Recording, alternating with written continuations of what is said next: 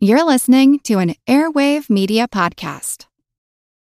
When you need mealtime inspiration, it's worth shopping Kroger, where you'll find over 30,000 mouthwatering choices that excite your inner foodie. And no matter what tasty choice you make, you'll enjoy our everyday low prices, plus extra ways to save, like digital coupons worth over $600 each week. You can also save up to $1 off per gallon at the pump with fuel points. More savings and more inspiring flavors make shopping Kroger worth it every time. Kroger, fresh for everyone. Fuel restrictions apply. We all know how important it is to keep your eye on the money, and not just your own. Stay on top of the latest financial and market news with Yahoo Finance, a podcast that releases new episodes almost every day. You'll hear a brief overview of the biggest news in the financial world, all in three minutes or less, right after markets close. Check out Yahoo Finance wherever you get your podcasts. That's Yahoo Finance wherever you get your podcasts. This is Kick Ass Politics. I'm Ben Mathis. If you're listening for the first time, this is a sample episode as part of the Kick Ass Politics preview station. If you like what you hear, there are many more episodes to enjoy on our main podcast at Kick Ass Politics with Ben Mathis.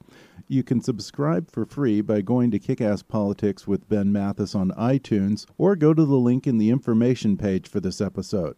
Also, feel free to check out our website for show notes, book recommendations, and more at kickasspolitics.com. And now, I hope you enjoy this preview episode of Kick Ass Politics. Kick Ass Politics is sponsored by Fiverr.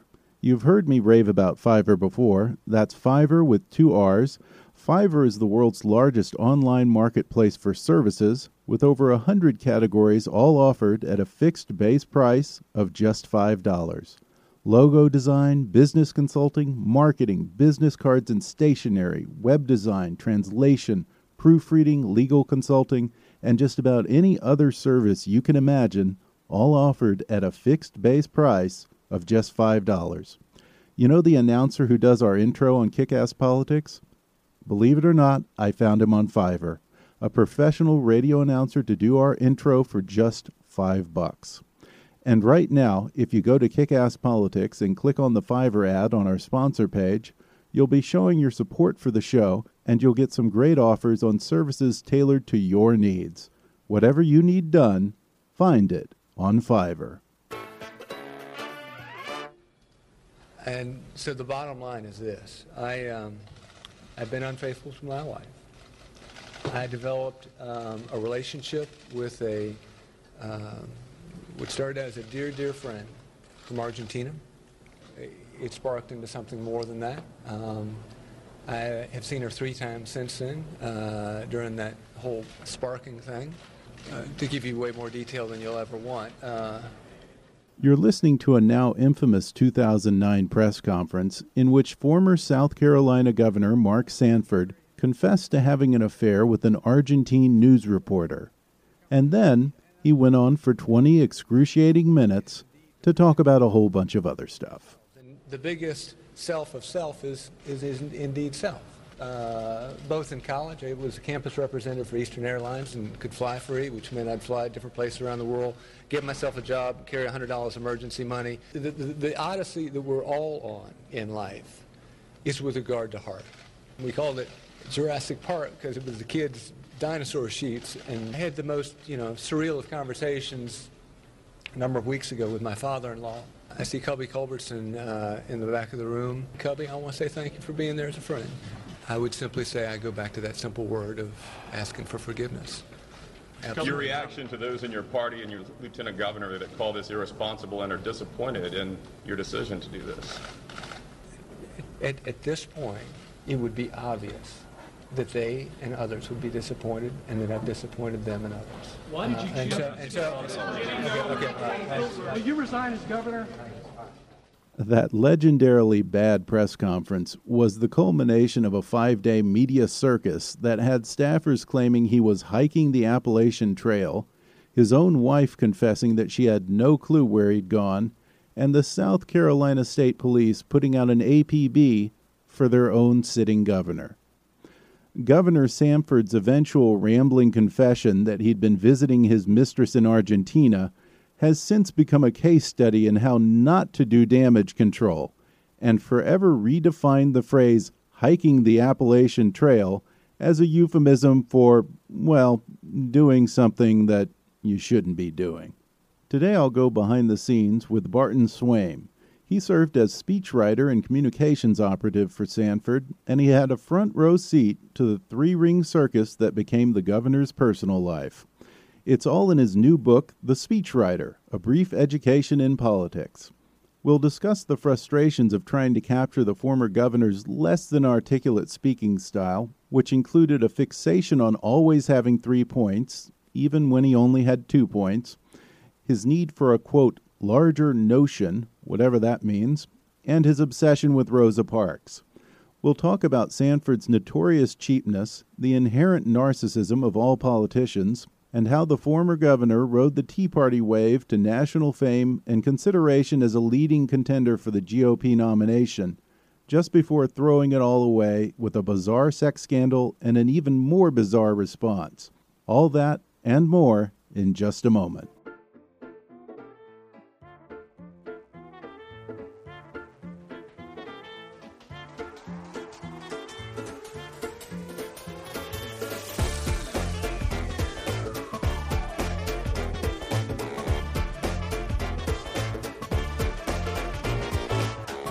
Hollywood to Washington, it's time for Kick Ass Politics. And now here's your host, Ben Mathis. Today I've got Barton Swaim with me. He served for over three years as speechwriter and communications officer for Governor Mark Sanford of South Carolina, and now he's written about his experience in a new book called The Speechwriter A Brief Education in Politics. Uh, Barton, I loved the book. It's funny, it's entertaining. It, it's all the King's Men meets The Devil Wears Prada. that's that about that's a, that's about it. Yeah. Well, well, thanks for coming on the show, Barton. Um, let's just get this out of the way and start by asking you the question that I suspect has been the bane of your existence ever since that time. Did you write Governor Sanford's now infamous rambling press conference speech? I have been asked that at least 25 times. N- no, and I don't think that anybody wrote it. Although I do seem to recall that he was holding some note cards, which suggested that he had scribbled something out. But that wasn't the sort of thing that he he asked my advice on didn't it didn't look prepared. I'll say that about it. it, it. If it was improvised, it certainly looked like it was improvised. So I we think can. It would, I think it would still be going on if his communications director had not dragged him from the podium. yeah. Well, okay. Well, I'm glad we can absolve you of the responsibility for that public relations fiasco there. Yeah. Well, the book again is called The Speechwriter A Brief Education in Politics. So let's go back all the way back to the beginning here because this really was an education in politics for you because you didn't come from a political background. You had a PhD in English and you were, I think, at the time working in a college library. Yes. When you got this wild hair to reach out to the governor for a job. What made you decide to do that? Well, like like a lot of PhDs in English, I didn't have a job. And also like a lot of PhD D's in English. I had been looking for one for a long time with no success. And what made me think of sending him a resume was because I had seen an op-ed that he that he had written in the state newspaper here in Columbia, and it was it was wretched. It, it was it was a god awful thing, and I thought this guy needs a writer. Now I didn't exactly say that in the letter, but I came close to saying it. Um, you know, I, I'm I can write, and I think that you might need a writer, which he did because it just happened that he had fired the previous speechwriter. Uh, that's how I got the job. So uh, you talk about how everyone on his team was poorly paid and overworked. Uh, the result being that his staff was smaller, younger, and arguably less seasoned than the typical governor's office. So now, when you look back to that first interview, do you wonder how much of your big break was just the governor saying, "Well, well, heck, here's a kid who can write, and he'll take the job, and I can't afford to hire an experienced speechwriter, so why not?" Well, can't afford. He he wouldn't afford. But yeah, that's totally the reason why I got a job, which I didn't realize at the time. at the time I thought it was because I sent I sent writing samples and he read them and he must have been impressed and oh look at me uh, yeah it was just because he thought I was some kid uh, who would who would uh, work myself to death for beans, which I guess I was. Well, you got in there, you you won the interview, and you got hired. How long did it take for the bloom to fall off the rose here, and you realized maybe this guy isn't exactly what I've built him up to be, or what people have built him up to be? Well, the the first week or two, you're the you're the office genius. Um, you're the you're the bright shiny thing, and the governor thinks that you're awesome and so you you get this feeling that this job is going to be easy, it's going to be fun, it was made for you, success awaits, and then something happens after a couple weeks. Um, you you just become one of the staffers that um, can't do anything right, and his his sort of way of of running an office, I guess it's a leadership style. I don't know, is just to express extreme dissatisfaction with everything anyone does in the hopes that they'll do it better, which strangely enough actually kind of works. Um, well, yeah, if you're never satisfied, then everyone keeps striving to please. Right. It creates a lot of turnover also, mm-hmm. which is a downside, and some really unhappy feelings in the office. But it does work, and um, it wasn't personal.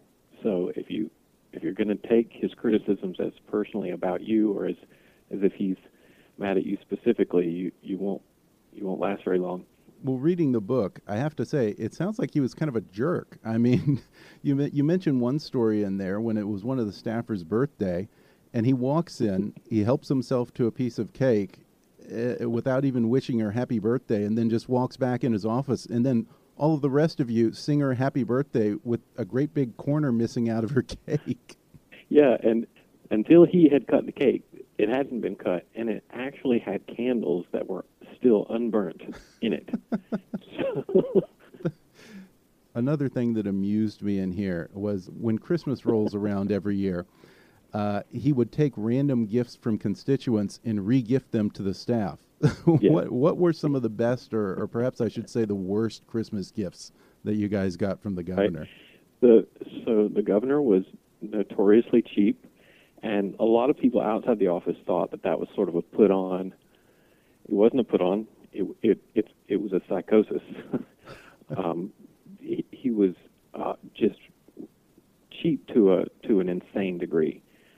And there are many stories about this, but the the regifting is is um, is one of the best.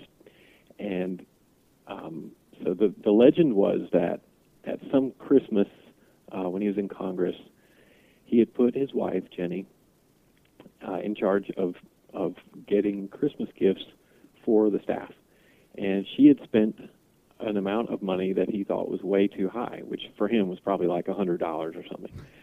And he, he pitched a fit, and she said, "Okay, from now on, you can buy Christmas gifts for the staff." So he did this by regifting things that he had he had acquired along the way that are unwanted and, and useless. And he would just reassign those to different staffers. So when one year I got a a uh, collection of shoe polish cans wrapped in cellophane. Another year I got a T-shirt that was from some hardware store. he had gotten it from you know having a press conference in a small business, and they presented him with a T-shirt. And uh, one staffer got a Christmas ornament that said, uh, "Merry Christmas, love the Peterkins." and we don't know who the Peterkins were, but they had been nice enough to send the Sanfords a Christmas ornament, which uh, now got assigned to one of my colleagues. Well, I hope he made up for it with the end of the year bonus then. Oh, oh, absolutely. It was it was through the roof. Yeah, there was no bonus. okay. So, uh, during the first few months that you were on the governor's staff, it was pretty touch and go. You say it, you just couldn't seem to please the guy. So at one point, your wife told you, if you want to keep your job, you need to start writing badly, like he wants you to write. Uh, Right. Talk about, I guess, let's, for lack of a better word, uh, let's call it the dumbing down of Barton Swaim, if you will. Uh, how did you manage to capture his, his quote unquote voice? Yeah, it, it, it, I don't think it was exactly a matter of dumbing down because I, I'm happy to dumb down. Um, a politician has to speak to as many people as possible, um, as many people who are capable of understanding the basic message, which, you know, you can't use a lot of abstract and highfalutin language. That part was fine. It was the it was the particularly weird and angular style that he would write in.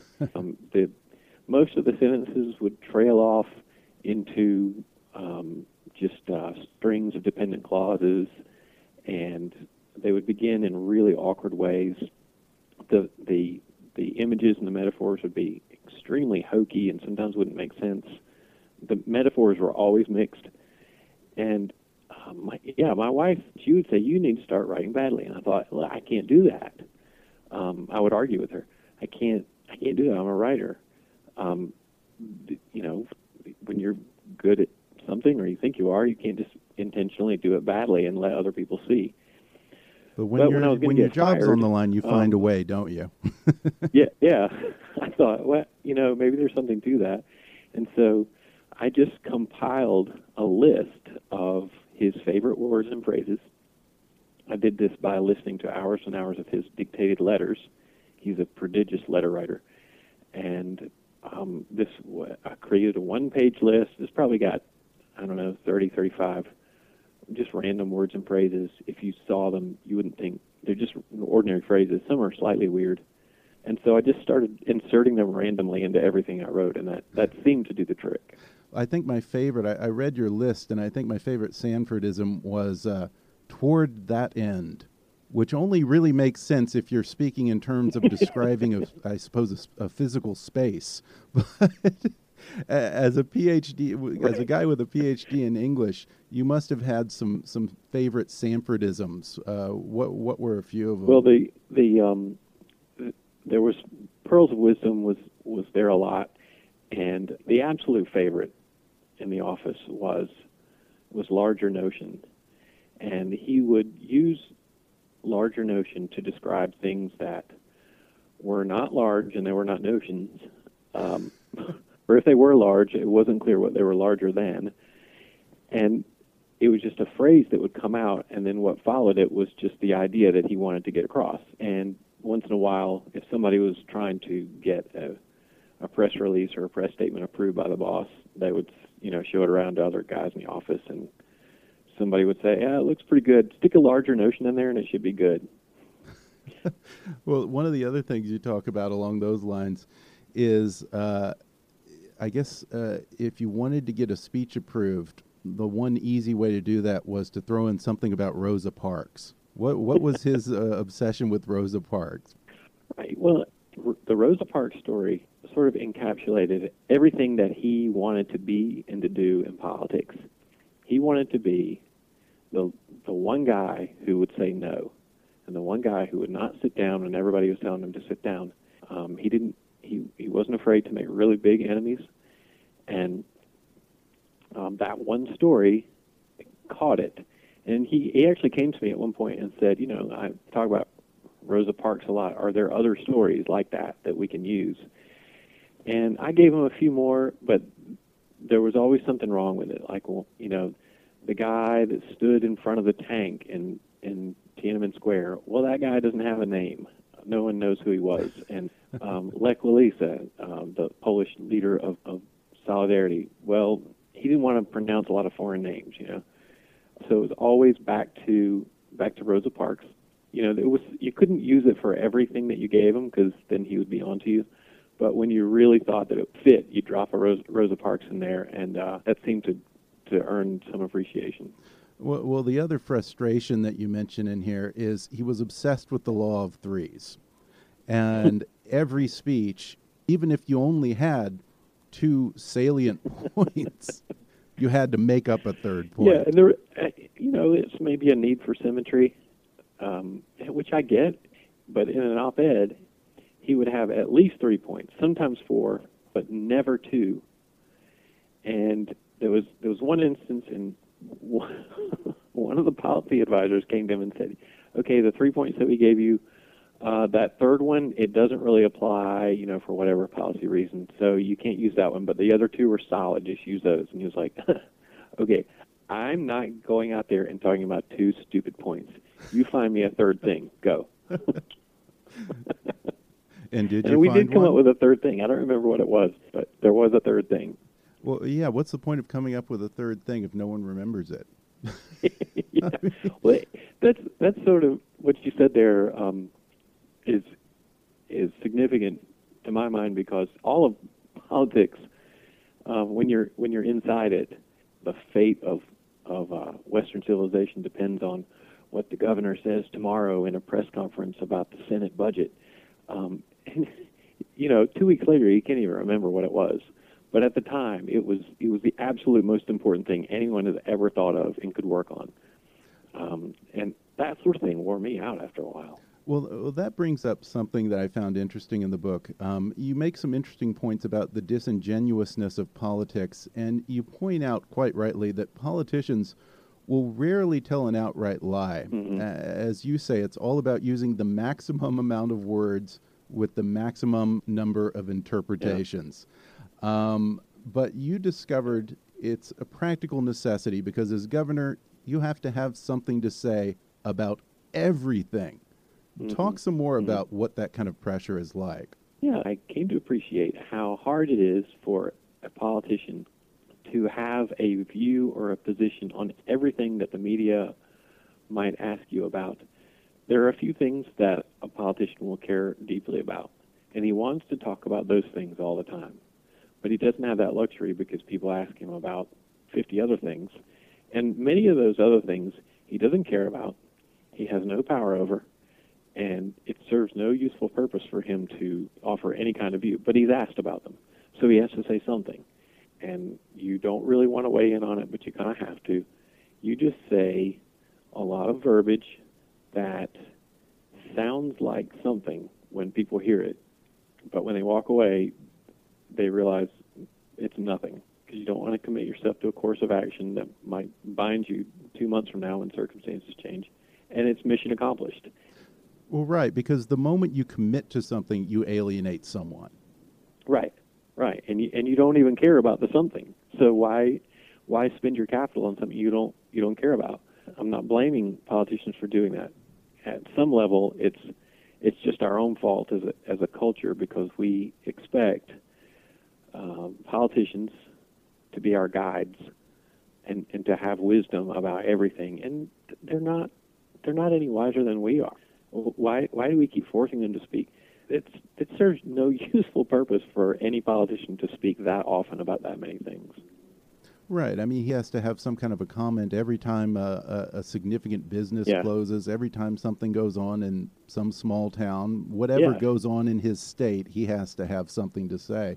And i in a similar vein, uh, you talk about the responsibility when you have real people writing you as governor asking your advice, Mm-hmm. people who potentially might even make significant life choices for better or worse based on your advice. And you probably wrote hundreds or even thousands of these letters on behalf Yeah. of the governor back to people. How do you navigate that situation without getting yourself in trouble and yet somehow still look like you care? Right. To give you a good example, one letter that we got all the time was, "Should I go into politics?"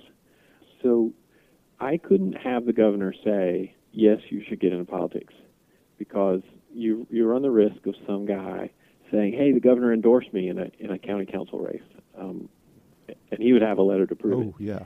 Uh, and you couldn't say, you know, no, you shouldn't, or something like that, because that'd just be mean. So it would just be about the importance of uh, engaging in the political sphere and all that verbiage, while never saying, I, I encourage you to do this. And it was like that on a lot of different issues. You had to say something that sounded warm and personal and engaged without committing the boss to to anything that he would be held responsible for later. Well, by 2008, 2009, his star was rising. Uh, he stood up to the feds over Real ID, and he was becoming one of the biggest opponents Mm. to the Obama stimulus package. And shortly thereafter, he would become a darling of the Tea Party for a while. But talk about what that first tax day Tea Party rally back in 09 was like before anyone, including you guys, even knew what the Tea Party was really. Yeah, yeah we we never heard the term before, and you know, people started saying there was going to be a rally. We didn't know if there were going to be five people there because people are always announcing rallies. You know, politician basically will come if there's going to be a lot of people and won't if there's nobody. And so he reluctantly agreed to address this crowd. I suggested something for him to say. Uh, he sort of rejected it and just gave a weird version of of the thing I wanted him to say. Um, but I remember as he spoke, the people, it didn't matter what he said. I mean, he could have said Mary had a little lamb, and people were just enraptured because he had become a very credible, kind of almost like a hero to a lot of these people. And that, plus the fact that he was constantly being asked to come on Fox and MSNBC and the rest of them to talk about the stimulus or to talk about monetary policy, um, got every all of us thinking that you know what was the next step here. Clearly, it was uh, something in the direction of Washington. Well, we'll take a quick break here, and then when we come back, we'll talk about the scandal that redefined the phrase hiking the Appalachian Trail and what Barton learned from his experience in the spin room for Mark Sanford in those days. Back in just a moment.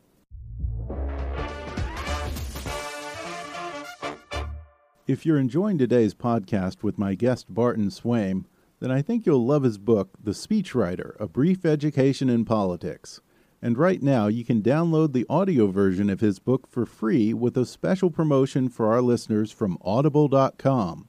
Just go to audibletrial.com backslash kickasspolitics for a free 30-day trial and a free audiobook download, which can be Barton Swaim's The Speechwriter or any of Audible's 180,000 titles for your iPhone, Android, Kindle, or MP3 player. That's audibletrial.com backslash kickasspolitics. Or click on the sponsor link on our webpage to download the free audiobook of your choice. And if you like Kickass Politics and want to help keep us on the air, then please support the show by making a donation to our GoFundMe campaign at gofundme.com backslash kickasspolitics. Or go to the show website and click on the donate link. Your support will help keep us producing new and even more interesting programs in the future. That's gofundme.com backslash kickasspolitics. And now, back to the show.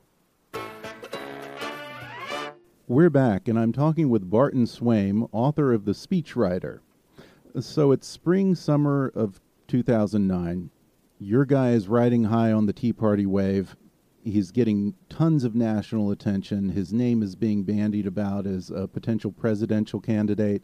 He's chairman of the Republican Governors Association, which has always been a stepping stone to running for president. And then suddenly in June, it all comes crashing down. Give us a play by play of the scandal from your point of view, Barton. Well, it was doubly bizarre because Mark Sanford was not one of those politicians who you could see anything like that happening to. Some politicians, they fall into these sexual scandals, and you could kind of see it happening. They're flirty, they're maybe too familiar with people.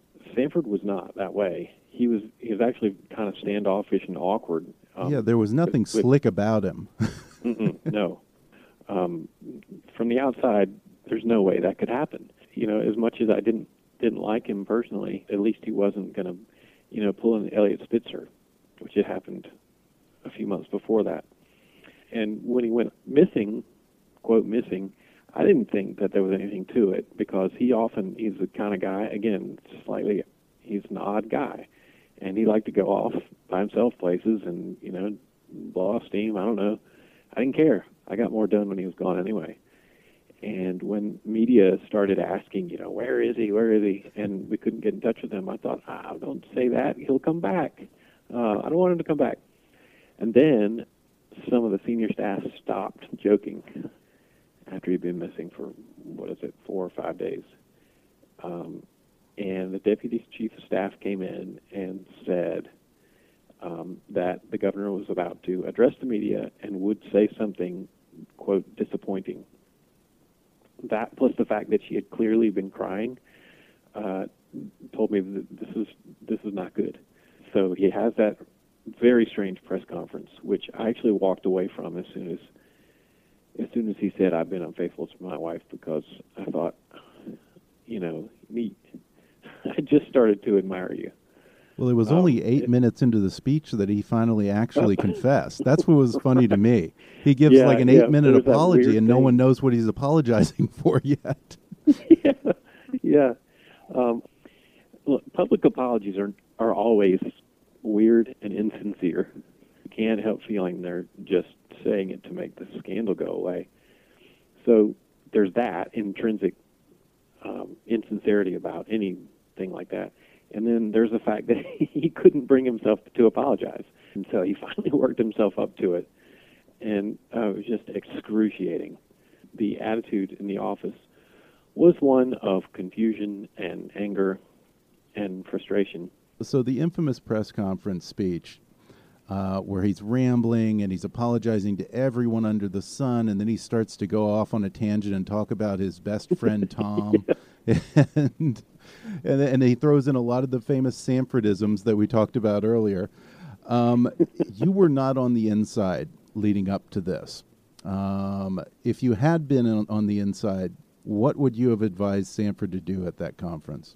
In any public event where he was speaking, he wanted to say something that was more interesting than anybody else. Well, he accomplished And- that. exactly. Um, but there's one situation in which uh, you don't want to say anything interesting, and that's when you're confessing an extramarital affair before national media.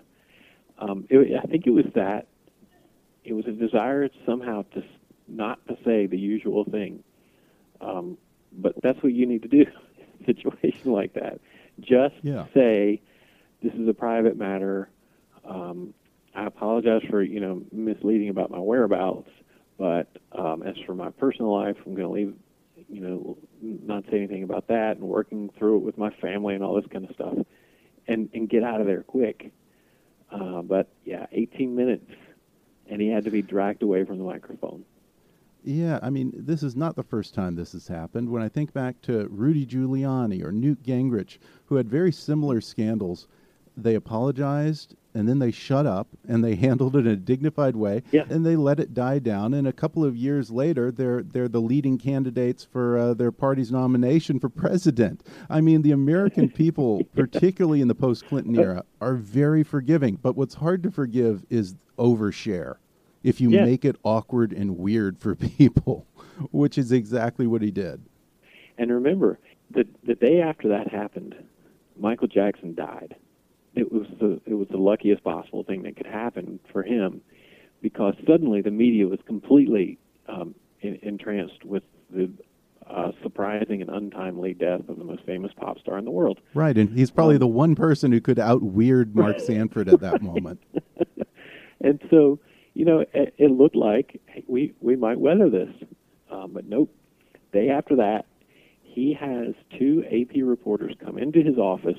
They shut the door, um, and he goes on another rambling, uh, weird, oversharing um, bunch of balderdash about soulmate and the love story and all the rest, in addition to being just humiliating to his his wife, which there's no reason for doing this in in front of everybody.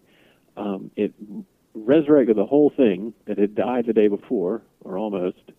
Um, it was just it was just the worst possible way you could handle a scandal like this. Look, I wanted to say to him, if you could just for a minute say just a completely bland thing and and keep all of your keep all of your weirdness for your mistress or whoever uh, and away from the microphone, we, we, we might actually still have a job a year from now. It was strange because he tried to elevate it to some great love story for the ages as if he was Edward the Eighth or something. And it was crazy because you had this guy who portrayed himself Right. as a simple guy, plain spoken, frugal, someone people could look up to and say, he's a guy just like you and me. Then suddenly he's flying off to his Argentinian mistress. I mean, I mean, it's not like she was she was a hairdresser down the street. It, it didn't exactly fit the narrative he crafted for himself. How could such a seemingly ordinary, plain-spoken, normal guy be suddenly so completely out of touch with reality? Right. It was just another ordinary, tawdry midlife crisis affair whatever. These things happen, but stop romanticizing it and trying to find some some high flown rhetoric to describe it. Stop. Well, he didn't get impeached, largely because Right. the guy who was lieutenant governor and would have taken over was completely incompetent. So Governor Sanford has a year and a half left as a disgraced Mm-hmm. lame duck governor. What did you do for the next year and a half there? What was that like? Well, you know, as a speechwriter, but he wasn't giving many speeches because nobody would invite him. um, if he wanted to address a Rotary Club or something like that, he had to pretty much invite himself, which was desperately sad. I had sort of a new job. One of the staffers who had headed up constituent services came to me and told me that the word integrity was all over a lot of the letters that they would send out. It was everywhere. And as I started to look through them, it got worse because there was also the word love and um, the possibilities for double entendre and, and irony were everywhere. I mentioned people write letters to the governor. They also invite governors to their weddings. I don't know why they do this, um, but it's some kind of It certainly isn't for of- the gifts, apparently. yeah, yeah maybe. Some kind of tradition where a lot of young people or their parents, I don't know, send an invitation to the governor to a wedding. And, you know, the governor didn't know these people. He's not going to come. But he usually insisted on on writing a letter. Clearly, in this situation, we needed to stop sending this letter.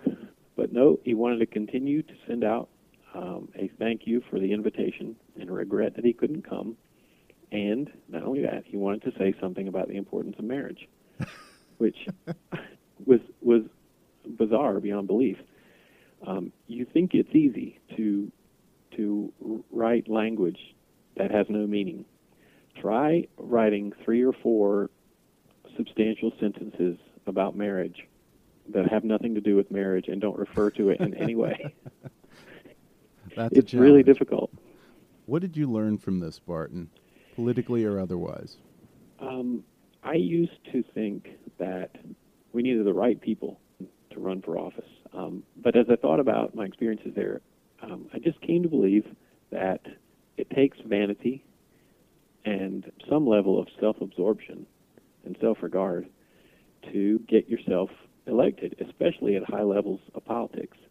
I don't begrudge politicians that. Um, I think they're admirable sometimes, and in many cases they have wisdom and, and courage, and they should be congratulated in those cases. But I don't think they're trustworthy. Well, toward the end of the book, you talk about this, and I think it's an interesting point that applies to just about anyone that I can possibly think of throughout the history of politics, and that is a politician often they do the right thing, but they do it for the wrong motives. They do it for their own self-aggrandizement. Um, Even if I think back to probably the greatest leader of the 20th century, say uh, Winston Churchill. Winston Churchill was a fantastic leader, and he was the right man at the right time. Absolutely. But he also really wanted that job. and he really craved he was, the He was an unbelievably vain person. Yeah. Well, were you surprised that he came back from the political dead when Mark Sanford won election to his old uh, congressional seat? I have to say I was not surprised when people ask me what the governor is doing now. I always say I expect he's figuring out what office to run for next. To him, personal failure is not a thing. Personal failure just means the time till the next victory has lengthened a little. Then he ran and he won, as I as I thought he would. Mhm. So, have you heard anything from him since the book came out? he told a reporter that he had no plans to read it, which I don't believe for a minute. Um, but he, I haven't spoken to him, and I don't expect I will. Well, I don't see a narcissist like Mark Sanford not wanting to read a book about himself. It just wouldn't right. make sense. That's why I say I don't believe it. Yeah. Well, the book is The Speechwriter, A Brief Education in Politics by Barton Swaim, and I think it's a must read for anyone considering getting into the political game. Thanks for coming on the show. Thank you very much. Well, thanks again to Barton Swaim for coming on the show. I highly recommend his book, The Speechwriter. It's a real window into what goes on in the political spin room. Plus, if you ask me, it's one of the funniest political tell alls in a very long time. So check it out. I'll include a link to the Amazon page for The Speechwriter in the show notes at kickasspolitics.com. And there's also an audio version of The Speechwriter, which you can get for free with that special 30 day trial from audible.com. Just go to audibletrial.com backslash kickasspolitics or click on the sponsor link on our webpage to download the speechwriter or any book you want totally free. It's a great deal, no obligation, doesn't cost you a thing. Also, I hope you'll subscribe to the podcast on iTunes so you can automatically get new episodes as they become available. And while you're there, I'd appreciate it if you left us a review. That helps a lot with our show rankings on iTunes. And if you like kick ass politics and you want to help keep us on the air, then support the show by making a donation to our GoFundMe campaign at gofundme.com backslash kickasspolitics. Or go to the show website and click on the donate link. Your support will help keep the lights on over here and will be greatly appreciated. That's gofundme.com backslash kickasspolitics. As always, I welcome your comments, questions, and suggestions at comments at kickasspolitics.com or leave a voicemail on the toll free listener hotline at 844 KA Politics. For now, I'm Ben Mathis, and thanks for listening to Kick Ass Politics.